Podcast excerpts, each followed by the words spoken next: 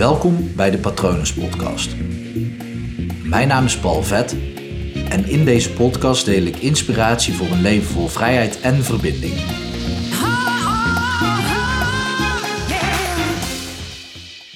In iemands emotie zie je de leeftijd waarop het trauma heeft plaatsgevonden. Dat is misschien wel een beladen onderwerp om over na te denken. Vooral de tip die ik je mee ga geven, want dat betekent dat je het zou moeten delen met iemand.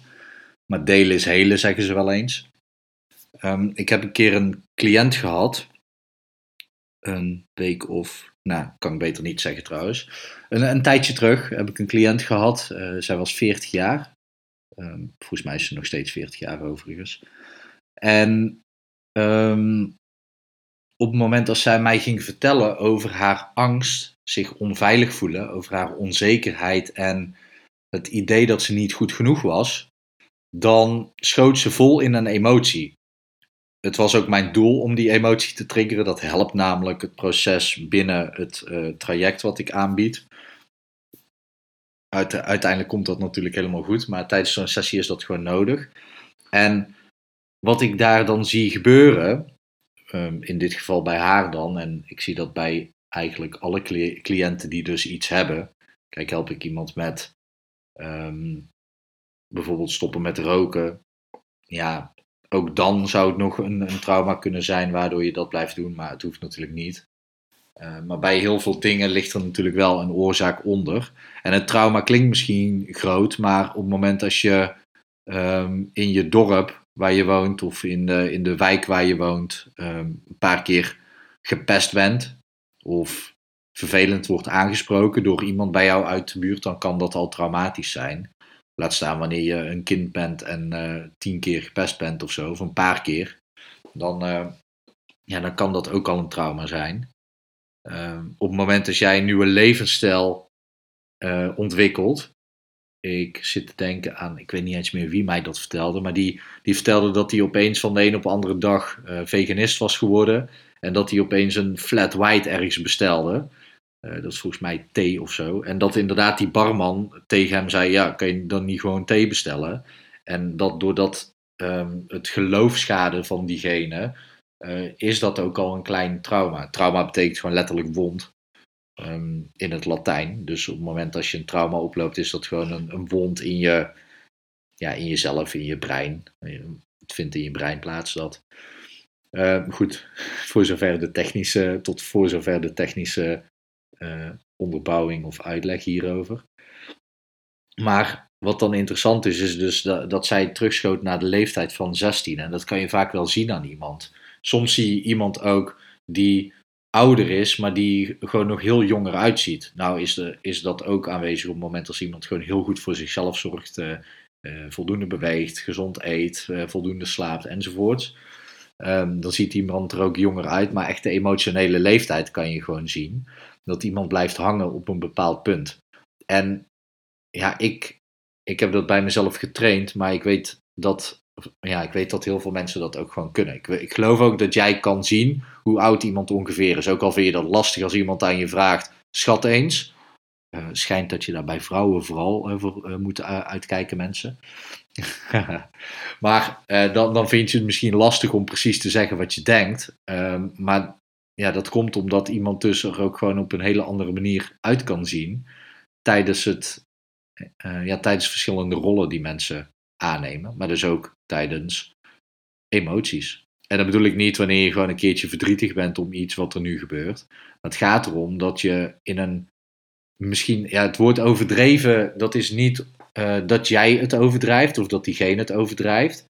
Maar de emotie is misschien overdreven ten opzichte van de gebeurtenis. Dat is vaak een teken dat er een, een trauma onder zit. Dus in dit geval begon ik met haar te praten over uh, zich angstig voelen en onzekerheid. En toen vertelde ze dat ze vroeger dik was geweest. Dat ze overgewicht had. Zij noemde het gewoon dik.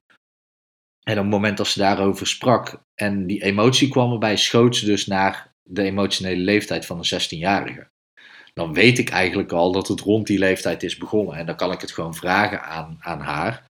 Uh, kijk, als iemand dat niet weet, dan kan je dat gewoon zien. Um, maar tijdens zo'n sessie kan ik dat gewoon vragen aan haar. Van, oké, eh, rond welke leeftijd is dat en dat gebeurd, door door te vragen. Maar wat interessant is voor jou, uh, of kan zijn, is wanneer je een goede vriend of vriendin hebt en uh, je merkt dat je soms zelfs overdreven reageert of eigenlijk heftiger reageert dan dat de gebeurtenis zou verlangen van je, of wat normaal zou zijn. Uh, zoals je weet ben ik niet voorstander van normaal, maar hier is dat een mooie graadmeter. Dan zou daar wel eens een trauma onder kunnen liggen. En dan zou je het dus gewoon met een vriend of vriendin kunnen afspreken van hé, hey, als dat gebeurt, kijk eens naar mij en kijk eens welke leeftijd je dan in mij ziet. Dan, en dat geeft vaak ook hele duidelijke informatie, omdat het is heel lastig voor jezelf om te bepalen waar, ergens vandaan, waar iets vandaan komt. Um, en op deze manier kan je veel makkelijker pinpointen in welke leeftijdsfase het is geweest. Want op het moment dat je 16 bent, dan zit je dus op de middelbare school. Dus dan kan je eigenlijk al makkelijker terug naar die tijd. Op het moment dat je iemand ziet en je denkt, ja, ze is 40, maar ze ziet er nu uit als ongeveer 21. Ja, dan weet je al dat het later is dan de middelbare school. Dus dan kan je vaak wel aan iemand vragen, oké, uh, rond uh, die leeftijd tussen je de, zeg 19 en 23ste, uh, wat heb je allemaal beleefd? En dat is gewoon hele waardevolle informatie, want dan kan je veel gerichter op zoek naar een, een therapeut of naar een coach of gewoon informatie online zoeken van hé, hey, ik merk dat ik dus hiermee rondloop, hoe kan ik daarvan afkomen? Dat werkt veel beter dan wanneer je gewoon denkt, hé, hey, ik reageer in deze situatie zo. Uh, dat je dan op het symptoom gaat zoeken in plaats van op de oorzaak.